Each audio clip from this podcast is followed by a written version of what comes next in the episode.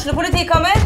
Ine Jansen er purk. Er du purk? The motherfucking bitch. Alt jeg vil, er å finne ut hva som skjedde med mannen min. Jon Carew. Er jeg sikta for noe? Iben Akeli. Det er du. Ole So, Lars Berrum og Big Daddy Karsten. Hvem sin side er du på, egentlig? Anette Hoff, Tone Danielsen, Kommer du fra Afrika? Jørnis Josef, Nesten. Kløfta. Trond Espen Seim, Det er synd å si det, men det var feil mann som døde. Purk. Premiere tirsdag på TV2 Play. Velkommen til en ny episode av TV-podden. Mitt navn er Marie Olaussen, og i dag har jeg to gjester fra Universitetet i Sørøst-Norge. Det er førsteamanuensis Camilla Wiig. Velkommen hit. Tusen takk. Og professor Willy Ågre. Velkommen til deg òg. Takk skal du ha. Vi skal ta opp tråden fra forrige ukes episode, som handla om um, girl code, bro code og blikking og ting som skjer i ungdomsmiljøet. Men um, fortvil ikke hvis ikke du har hørt den episoden. Kan du høre denne først? Men for å stille et uh, spørsmål som sikkert ikke har sånn kjempeenkelt svar, er det egentlig for jævlig å være ung i dag? Vi må dele opp uh, ulike grupper ungdom. Og det som nå jeg syns er uh, en elefant i rommet, som vi snakker for lite om, politisk og i andre sammenhenger, er den økende fattigdommen i, i familier. Som har økt ganske mye på 20 år. Og det skaper i seg selv eh, en belastning ved utenforskap. For mye innenforskap handler også om tilgang på penger. Eh, og så de har det ganske, ganske tungt, selvfølgelig, av, av disse grunnene. Og nå ekstra mye nå pga. renter og, og, og så videre. Handler det om på en måte muligheten til å kjøpe seg det som er forventa at man skal ha? Hvis det er noen kleskoder som er veldig strenge i visse miljøer, så, er man sjanseløs der. ikke sant? Og det er ikke så lett eh, å få ekstrajobber heller, som mange ungdom gjerne vil ha. Men det er begrenset eh, av det. Og derfor så, så sliter de ekstra mye, også i forhold til idrett, som også koster, eh, koster penger å være med på.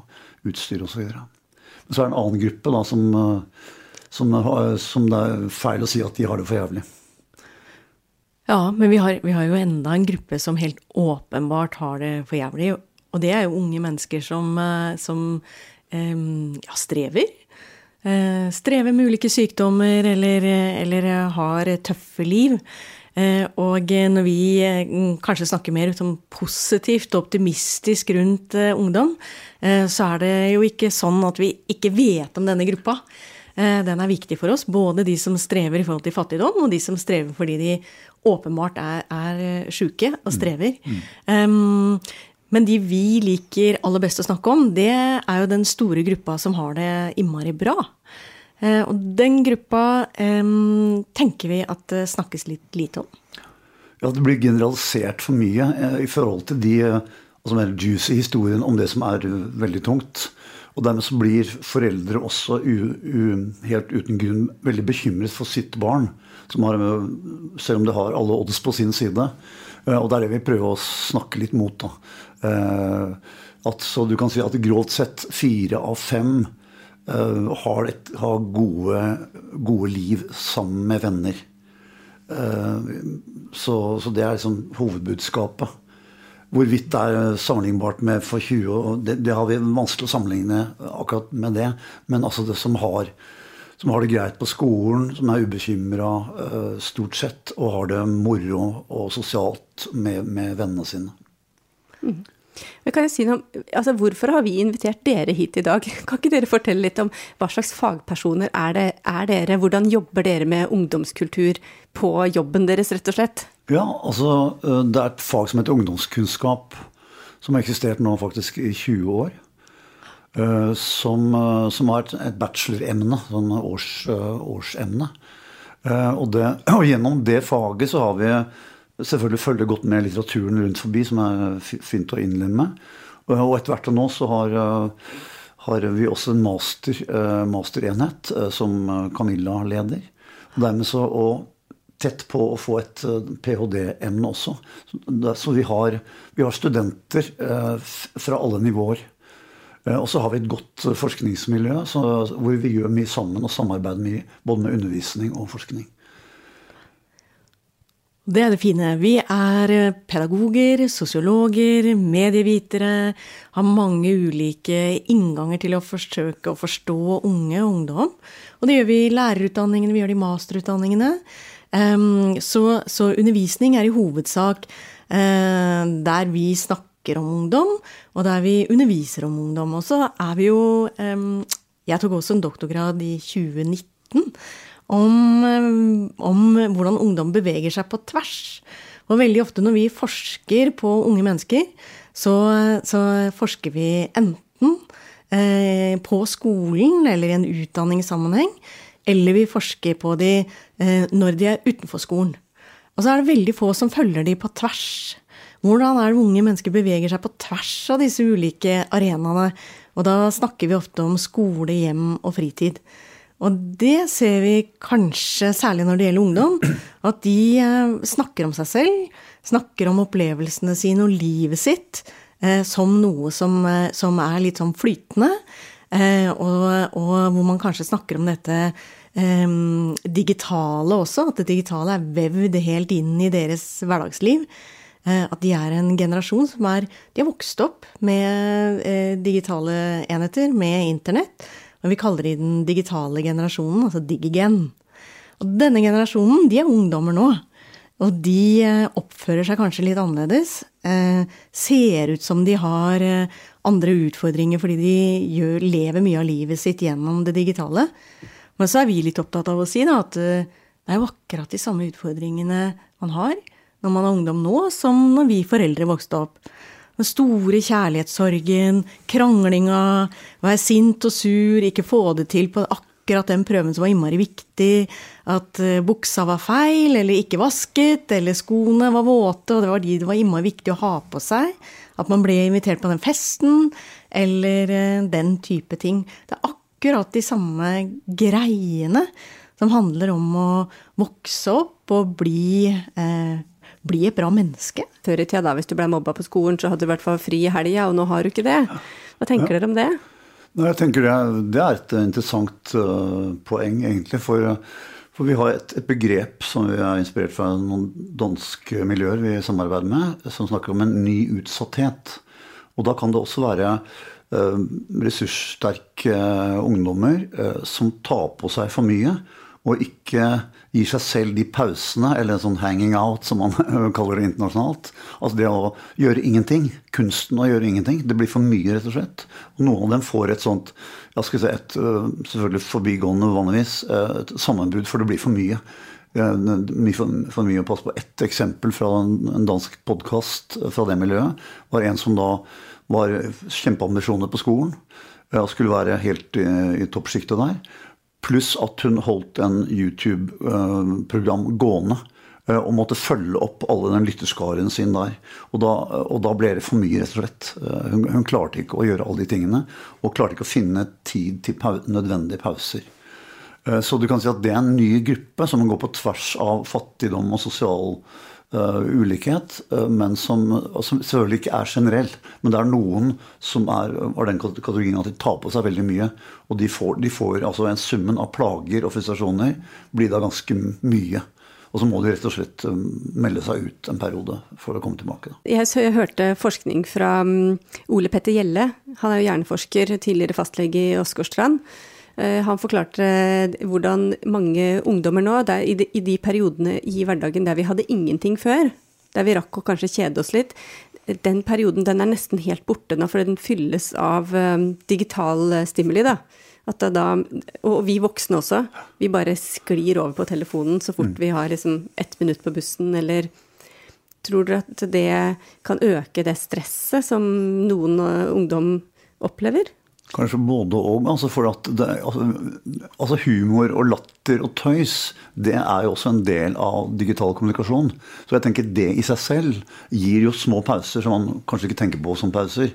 Så, så det kommer an på hvis man fyller opp med sånne vi tuller, nå vet du at jeg sier det for å terge deg, liksom. Altså, denne innforståttheten der, som er veldig sosial, det tenker jeg gir noen pauser. Så du burde nesten forske fokus på hva, hva, som gir pause, hva som gir disse nødvendige avbrekkene. For det er vel et tipp at der er det forskjell mellom ulike grupperinger av, av ungdom. Og så har vi de store ungdomsundersøkelsene, og de, de gir altså litt sånn tallmateriale. Og det vi, det vi, vet nå, det er jo at 98 av, av unge mennesker eh, har mobiltelefon. De har eh, PC. De har eh, ofte flere skjermer på rommet sitt. Eh, gutta har ofte gamingutstyr. Og jentene de har ofte eh, en iPad eller steder hvor de f.eks. ser på film.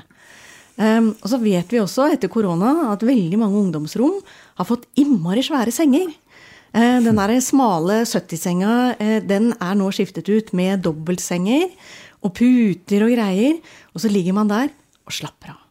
Og når man slapper av da, så har man kanskje venninna på telefonen. Um, og så har man Netflix-filmen eller serien som alle ser på, og som man da snakker om samtidig som man ser og tuller og, og koser seg og er sammen uten å være fysisk i, i samme rom, som kanskje vi foreldregenerasjonen eh, er vant til. Og da kan vi kanskje si ah, du er bare på rommet ditt, eller du ligger bare i senga med den telefonen. Og så er det kanskje den nye generasjonen, da, Digigen sin generasjon, sin måte å slappe av på.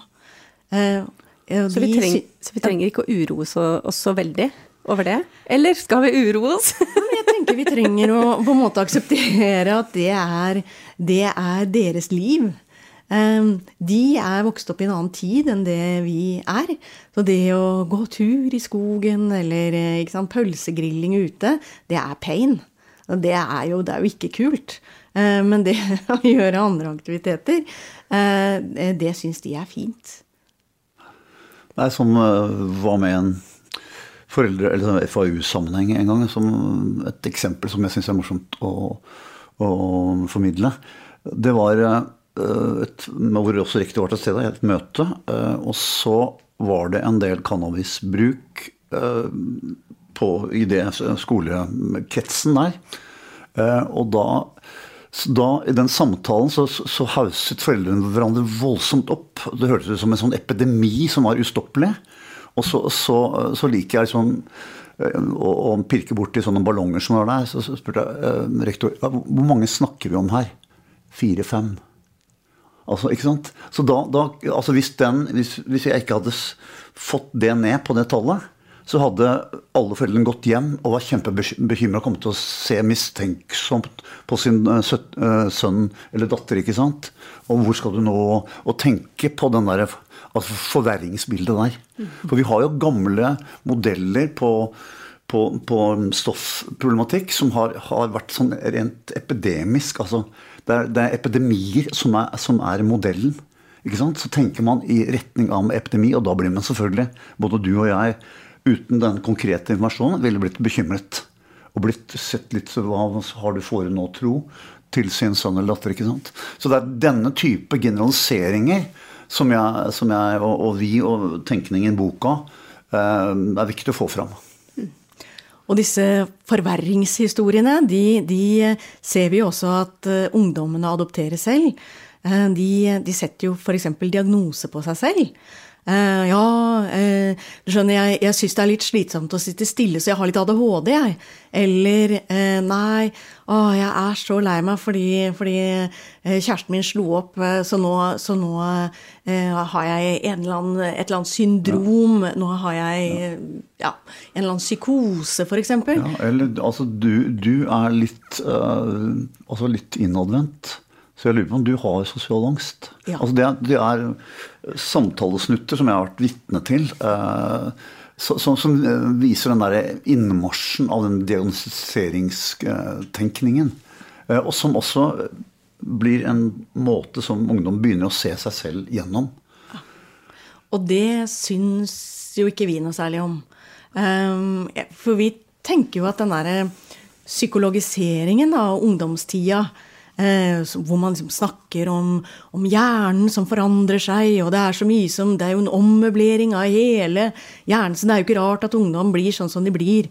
Eh, den er vi ganske skeptiske til. Og man blir visst ikke tilregnet før man er ca. 25. Altså det er en sånn type, type måte å, å, gjøre hjernen til en sånn voldsom hersker der oppe. Og vi er liksom, disse unge, helt hjelpeløse ofre for det. Og dette er en 100 år gammel påpekning som jeg syns er mer fornuftig og mer nøktern. Hvor man delte ungdomsliv, altså i grovt sett, noe som er revolutiv ungdomstid. Altså En som, som var litt stor mot drang og, og smelle med dører osv. Men så andre som hadde en sånn lugn og, og skrittvis uh, utvikling uh, og grei kommunikasjon med foreldre osv. Så, videre.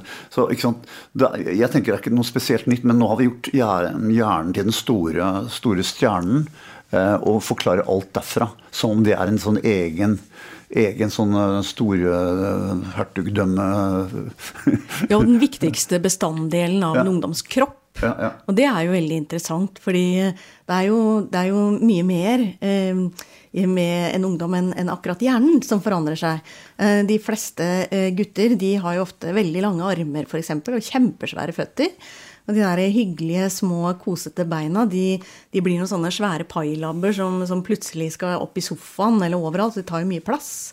Eh, eh, så, så, disse store endringene, det, det er jo en del av ungdomstida. Og det ser vi jo kanskje en økning på nå blant gutta. Dette med eh, kropp. Blant mange av gutta så er det sånn at man slutter kanskje på det som er fellesidrettene, altså sånn spille fotball eller håndball, og så blir man som forelder veldig bekymra. Og tenker nå kommer det til å gå skikkelig dårlig. Kommer sikkert til å, å begynne med, med, stoff og narkotika og sånn. Eh, men det vi ser, det er jo det er en ganske stor økning i, i gutter som starter å trene på helsestudio. Eh, for akkurat nå så er det, er det ganske stas å, å, bygge kropp. Se fitt ut. Eh, ha, eh, ja, ha muskler. Og det, det, er klart at det er jo også en jobb. Det er, det er ganske krevende. Og det er mye humor og mye gøy som skjer på disse helsestudioene hvor man, hvor man trener. Og der kommer også det digitale inn. For der kan du jo laste ned all verdens av eh, treningsopplegg, og du kan bli fotfulgt av en personlig trener som ikke koster fem øre, eh, men som er viktig for deg, og som er viktig for ulike ungdomsgenerasjoner også. Eh, så, så eh, det, jeg tenker som Vi foreldre vi, vi, trenger ikke å være livredde når, når, ungdommene finner ut at de ikke har lyst til å spille fotball lenger. Eh, fordi de har lyst til å gjøre noe annet i stedet for. Ja. Og det, betyr, det, er ikke verdens undergang.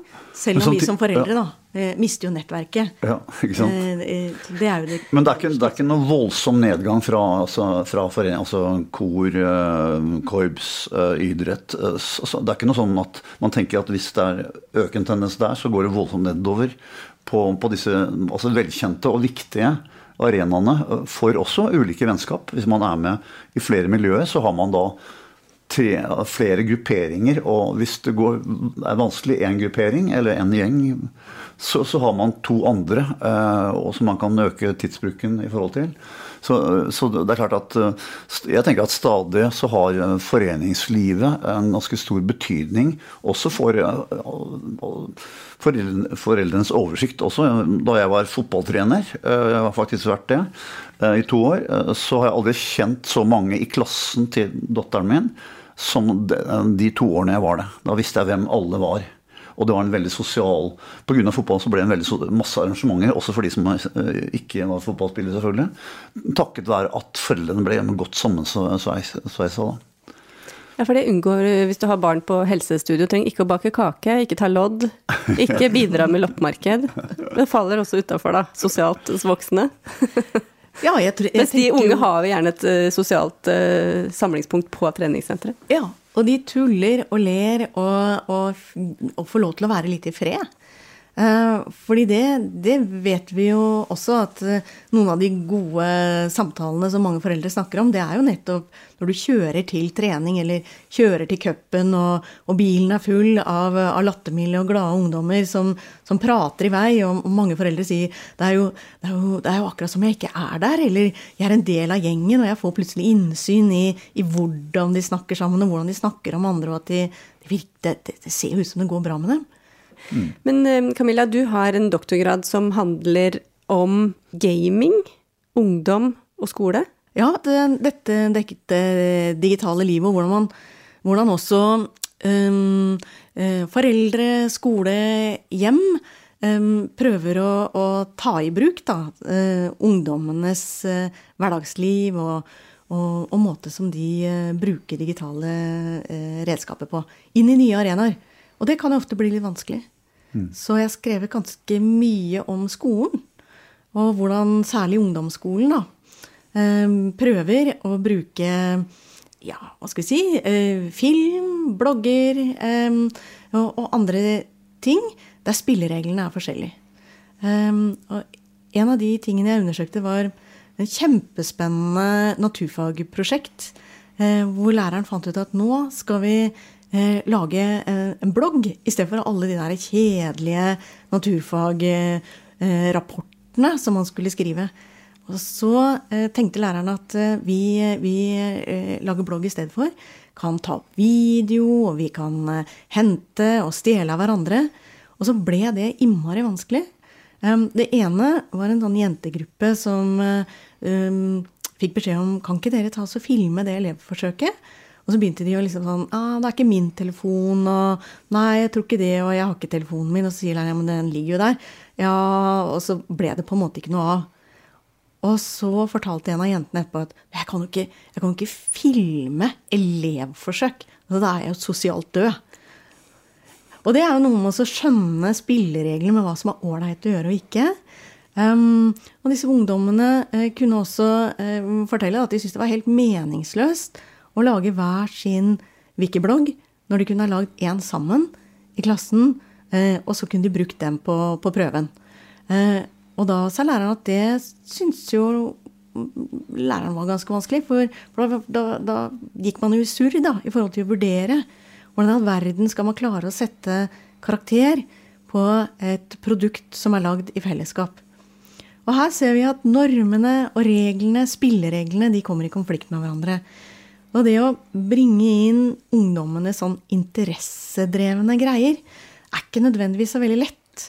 Fordi når ungdom blir innmari opptatt av noe og syns at noe er gøy, bruker mye tid De kan faktisk bli helt sånn geeker, som vi kaller det.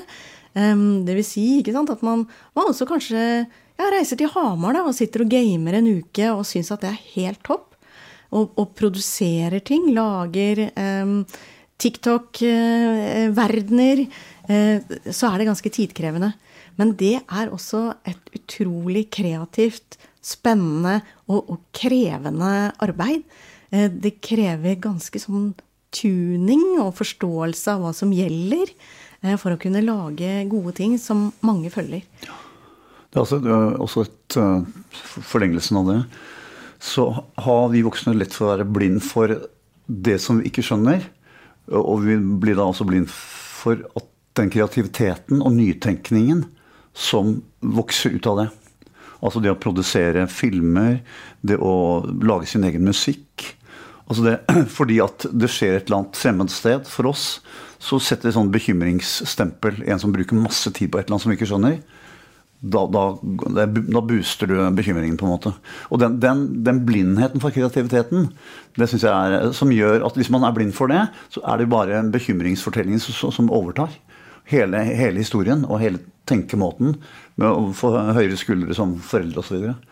så det, det syns jeg også er viktig for oss å formidle. Det er noe som vi må innse at vi ikke skjønner det magiske ved. Eh, fordi at vi er en annen generasjon, men som, hvor det skjer mye spennende ting. Og hvis vi har det det avslappet forhold til, så kan den, vår altså ungdommen i familien fortelle om det hvis de er reelt nysgjerrige. Det skjønner jeg ikke. Fortell. Hva, hva holder du på med der, eller holder du på med der? Så får de en historie som de får lyst til å dele. I hvert fall noen av dem. Vi vet jo hva ungdom gjør når de er på digitale enheter. Og En av de tingene de liker aller best, det er eh, eh å se på tullevideoer. Eh, og, det, og, der kan jo vi eh, voksne eh, verken skjønne humoren, eller kanskje også bli provosert. At det går jo ikke an å le av det der. Det er jo, det, det er jo mobbing, eller man, man, man fremstiller andre folk på en, på en, dårlig måte. Og så er det en del av en sånn kulturell humor som kan være krevende for oss voksne å, å både forstå og være en del av. Men når man følger med på, på, TikTok, så er det også en sånn subkultur hvor det er, det er viktig å se en del av de samme tingene, altså få de samme tingene inn i feeden. Fordi eh, det handler jo om å, å, å, følge med på de rette tinga. Og det å, å være for sent ute, f.eks., med å ha sett noe, eller for sent ute med å interessere seg for noe, det, eh, det kan jo få store konsekvenser. Og da er du, da er du ut. Ja, det, det er et sånt uh, type utenforskaphet som vi trenger å forske mer på. Altså de som er uh, delvis frakoblet både på det skal si, skolemessig dagsorden, for de snakker jo sammen om skolearbeid og festasjoner og gleder og interesser der også, og de som samtidig er frakoblet fra den skal si, ungdomskulturelle dagsorden, hva som er snakkisene, hva som er samtale, de store samtaleemnene. Hvis man ikke kan melde noe inn der, så blir, risikerer man å bli på utsiden av kulturelle grunner. Ja, så tenkte jeg på det der med, med gaming som du snakker om også. Um, det har jo vært en periode hvor uh, gamerne uh, blir jo en litt sånn uglesett gutterase. Og jentene, de få jentene også som meldte seg på, uh, det var jo dyp bekymring rundt disse for hva, hva drev de egentlig med? Hva skjedde når døra var lukket, døgnet rundt nærmest? Eh, og så fikk vi jo eh, utrolig fine historier fra foreldre som etter hvert forsto eh, hva slags, hva slags hverdag, hva slags samtaleemner og hva slags aktiviteter som faktisk foregikk. Og så var det jo en del som også sa at ja, men de, de, de snakker jo med folk fra hele verden. Og, og, og, barnet mitt har blitt mye flinkere i engelsk eller i andre språk. Eh, kan ganske mye om geografi, faktisk. Fordi man lurer litt på tidssoner, og når er det man passer at man kan avtale å spille på lag. Eh, så, så eh, det er jo også noe med at den voksne generasjonen trenger kanskje å stille litt mer spørsmål. Være litt mer nysgjerrig, og ikke være så dømmende da, i forhold til det som er nye, kreative innslag i en ungdomskultur. Og jeg så, så, ser meg litt tilbake, for jeg, i og med at jeg har vært med i ungdomsforskningsmiljøet noen år, så er det faktisk 25 år siden at det var ungdom som i en samtale i det forskningsprosjektet som tok utgangspunkt i ungdomsværelsene, altså der de bodde, hvordan det så ut der, og hva det betydde. Og da var det noen som allerede da sa, kommenterte at uh, hun syns at det ble sett altfor mye ned på altså nettbaserte eller eh, fellesskap. At det var, det var viktige vennskaper i det. Og det, det er altså 25 år siden. Uh, som man har en eller annen idé om en sånn ordentlig uh, vennskap. Så er det sånn klasse B, C, D-vennskap. Men hun følte at det var fortroligheten i det var veldig nedsnakket, og det var hun provosert over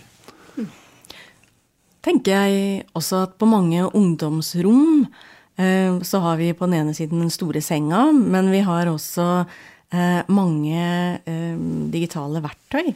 Og en del foreldre de kommer jo inn på ungdomsrommet og, og, starter en samtale, og så blir det liksom fliring, og, og, og ungdommene svarer kanskje ikke. Eller så kommer det 'Hei!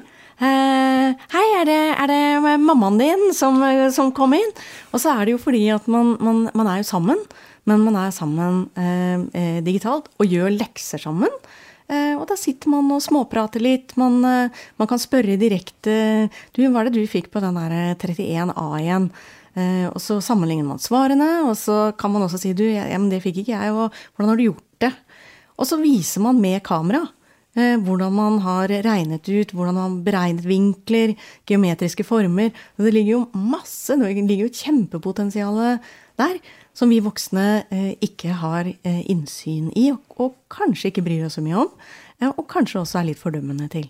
Noe av det som jentene fra Nøtterøy, Anna og Marie, snakka om i forrige episode av TV-podden, de snakka om dette her med um, romantikk. Og apropos sånne digitale møter, da, så sier de at ja, det er veldig lett å Eller det er bare to steder man kan få uh, kjæreste.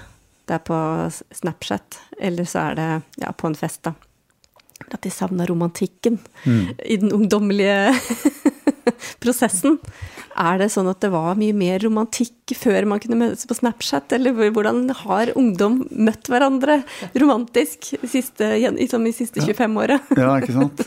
Det tror jeg få har veldig god oversikt over. Men det som var fascinerende for meg eh, da jeg hørte denne podkasten, var at det var tydeligvis noen ideer om noe, noe, før som var veldig varmt og, og avslappende og romantisk.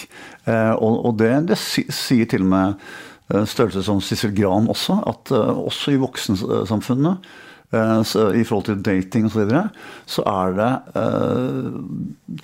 det er, Hun syns at den altså skrittvise formen er på, på retur. Så, så det, er, det, er, ikke nødvendigvis bare ungdomsgenerasjonen som, som, føler dette her. Men det, er sånn, men det er også interessant når en 16-åring begynner å lengte tilbake til en tid. Jeg vet ikke om det er fordi at foreldrene har fortalt litt med, med stjerner i øynene eh, om eh, da far og mor eller den og den ble kjent. Men, det, det er, men jeg syns det er noe veldig spennende at, at, de ser for seg noe annet med en annen type tempo, en annen type dramaturgi enn de vanligvis eh, er innlemmet i. Da. Ja, de snakker jo litt om eh, på film. Nemlig. ja, ja. Så noe av referansen er vel kanskje ting som skjer i USA, i Hollywood. Ja, ja og um, disse ulike seriene som vi, som vi, kan ganske mye om uh, nå, de som mange ungdommer ser på også, um, de, de, er jo veldig romantiske. I, i, måten de lager kjærlighetshistorier og, og, møter og treff, og det går ganske fort. Fra de liksom eh, ser eh, dette blikket blikket til den, den kjekke eller den, den, den, fineste jenta, eh, til at de eh, eh, møtes og blir kjærester. Det går som regel ikke så fort. Sikkert noen blir jo stormforelsket ved første øyeblikk. Mm. Men de aller fleste de er jo ganske fomlete og klønete og sier dumme ting og, og, og strever litt, da. I forhold til å liksom finne tonen. Og det er jo klipp klippa bort i eh, de ulike seriene. Eh, det kunne jo vært veldig interessant å, å, å, å lage et serie av alt det klønete som mm, også skjer. Ja. Og jeg syns også de, disse to jentene snakket, uh, snakket litt ned den der skal si, macho-karakteren blant uh, ungdom. Uh, hvor de ser for seg at, at, gutter har en slags hierarki av de som er flest kjærester og fortest Og så, ja, de som jeg jeg er usikker på om, om gutta ville, ville, bekreftet. Men, eh, og de snakket opp da en som er litt mer, kanskje litt mer langsom og litt ikke har helt det draget. Men som, eh, så Det var også morsomt å høre at det var en, en, type, en guttetype der som ble snakket litt opp. Og det tror jeg mange gutter som ville hørt det, sa wow, det her er en mulighet for meg også. Nerdenes hevn. ja. Ja, det er interessant. Men eh, de snakker, ehm, de snakker om det, eh, disse to begrepene girl code og bro code, som er normer som finnes i ungdomsmiljøet, som man bør eh, forholde seg til for å lykkes, eller for å være innafor og utafor. Er det begreper som dere møter igjen i, når dere er ute og snakker med ungdom? Ja, ikke, jeg, kjenner ikke til de begrepene. Og det er lenge siden jeg har vært ute med intervjuer og sånt også, og hatt det som tema. Men det er interessant det, altså det, det engelske som, som, som uh, inspirerer språklig eh, blant eh, ungdom. Men det er klart at jeg skjønner jo hva de sier. altså det, At det er noen koder, noen normer der, som du må være veldig nøye å passe på. Bro-code betyr altså en slags guttekode. Men de snakker jo, altså, de snakker jo innafor mest sin egen jentekultur.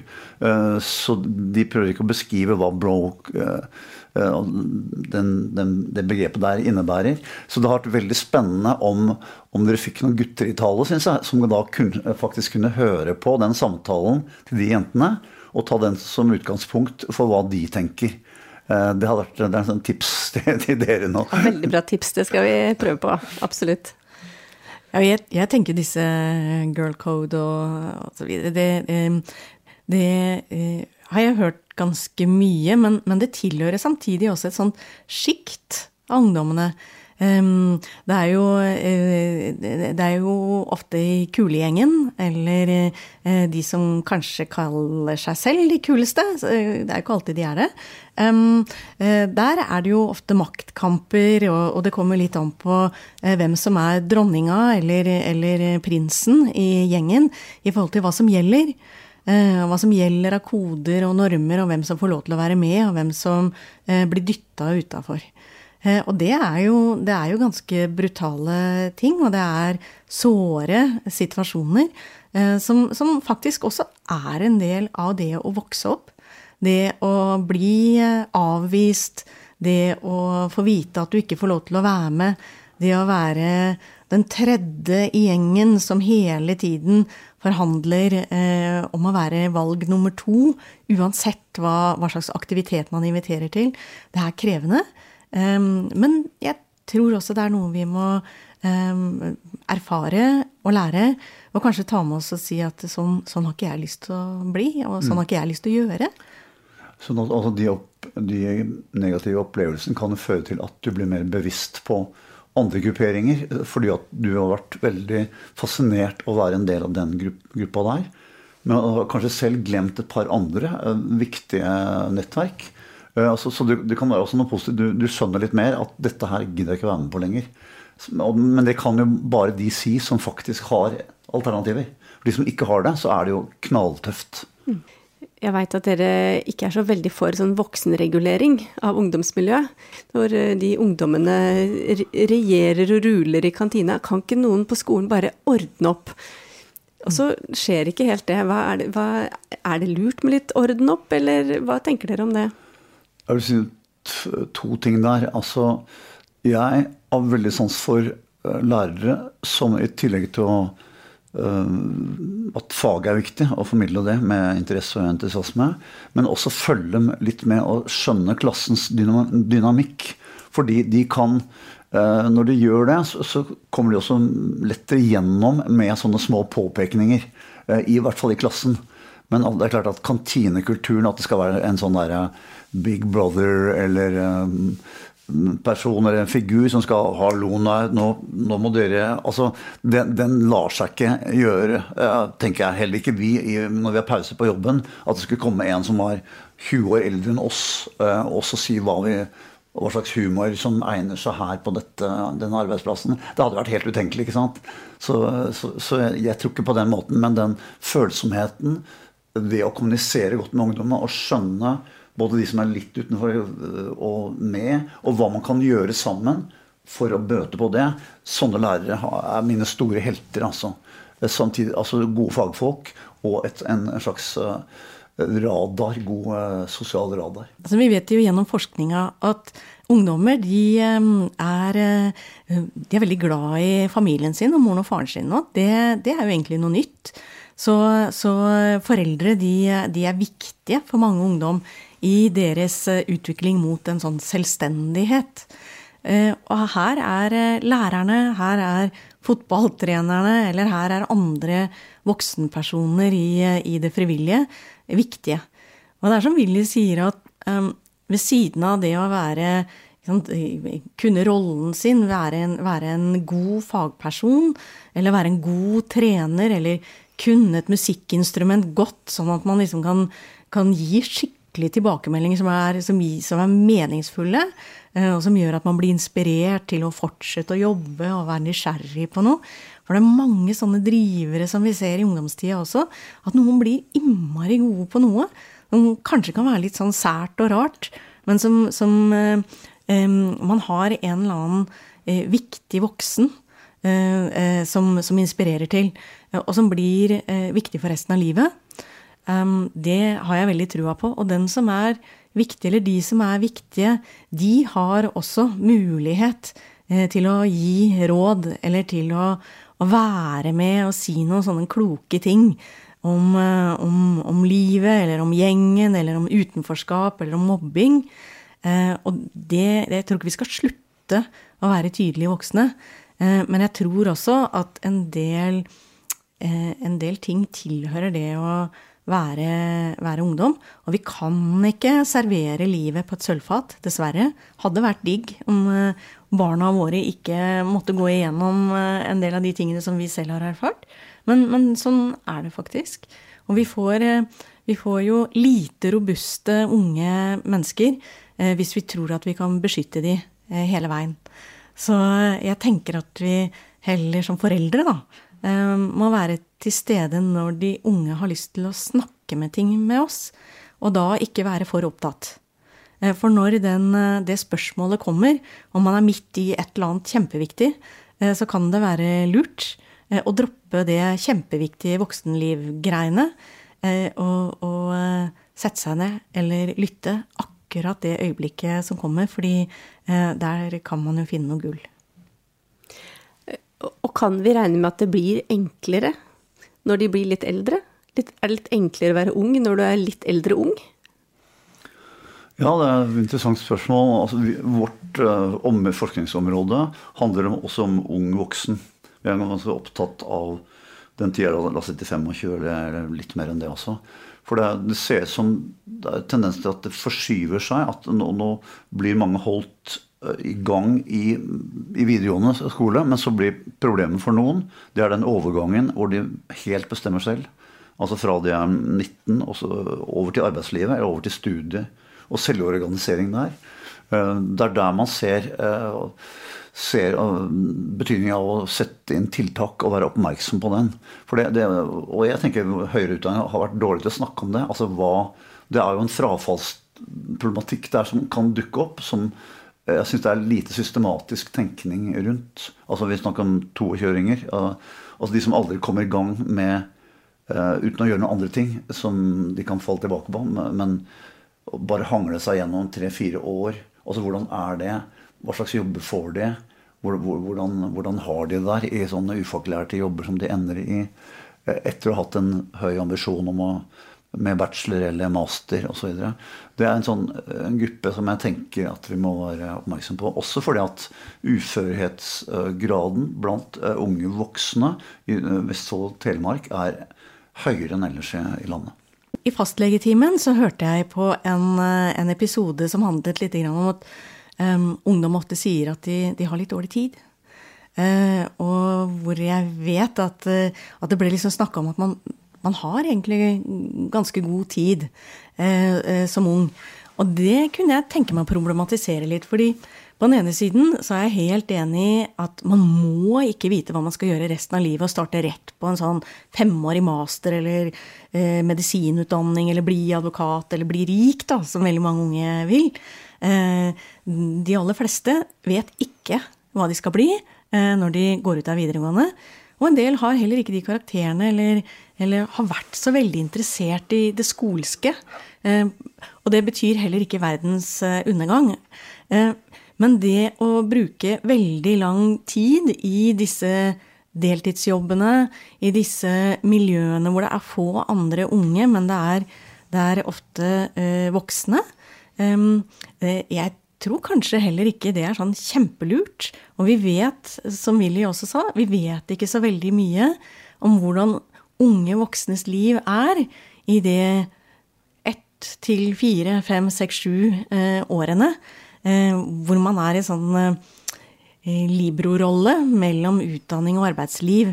Altså arbeidsliv i form av noe som er, er fastere. Og det er Vi vet også en del om frafall nå. Gjennom en del eh, reformer eh, så er det flere som gjennomfører videregående. Og det er fordi mange av de som ikke klarte å gjennomføre videregående, de hadde kanskje ett fag hvor de hadde for høyt fravær, eller ett fag som de syntes var kjempevanskelig og ikke fikk til helt. Og plutselig så, så fikk man da eh, ikke studiekompetanse. Det har man gjort noe med nå. Du har mye flere og fleksible løsninger. Det har flere kommet gjennom videregående. Men det som eh, er en ganske stor utfordring da, det er liksom å komme videre derfra. Eh, derfra og inn i arbeidsliv, eller derfra inn i en eller annen utdanning. Eh, det er der vi ser nå Eh, at det, er, at det er mange som strever. Og at vi vet altfor lite. Så det kunne vært kjempespennende å forske mer på. Jeg tror vi setter punktum der. Det var veldig hyggelig at dere kunne komme hit og fortelle en liten, liten del av det dere kan om ungdomskultur. Mitt navn er Marie Olaussen. Vår ansvarlige redaktør er Sigmund Kydland. Og dere kan høre videre på oss i neste uke. Har du et enkeltpersonforetak eller en liten bedrift? Da er du sikkert lei av å høre meg snakke om hvor enkelt det er med kvitteringer og bilag i fiken, så vi eh, gir oss her, vi. Fordi vi liker enkelt. Fiken superenkelt regnskap.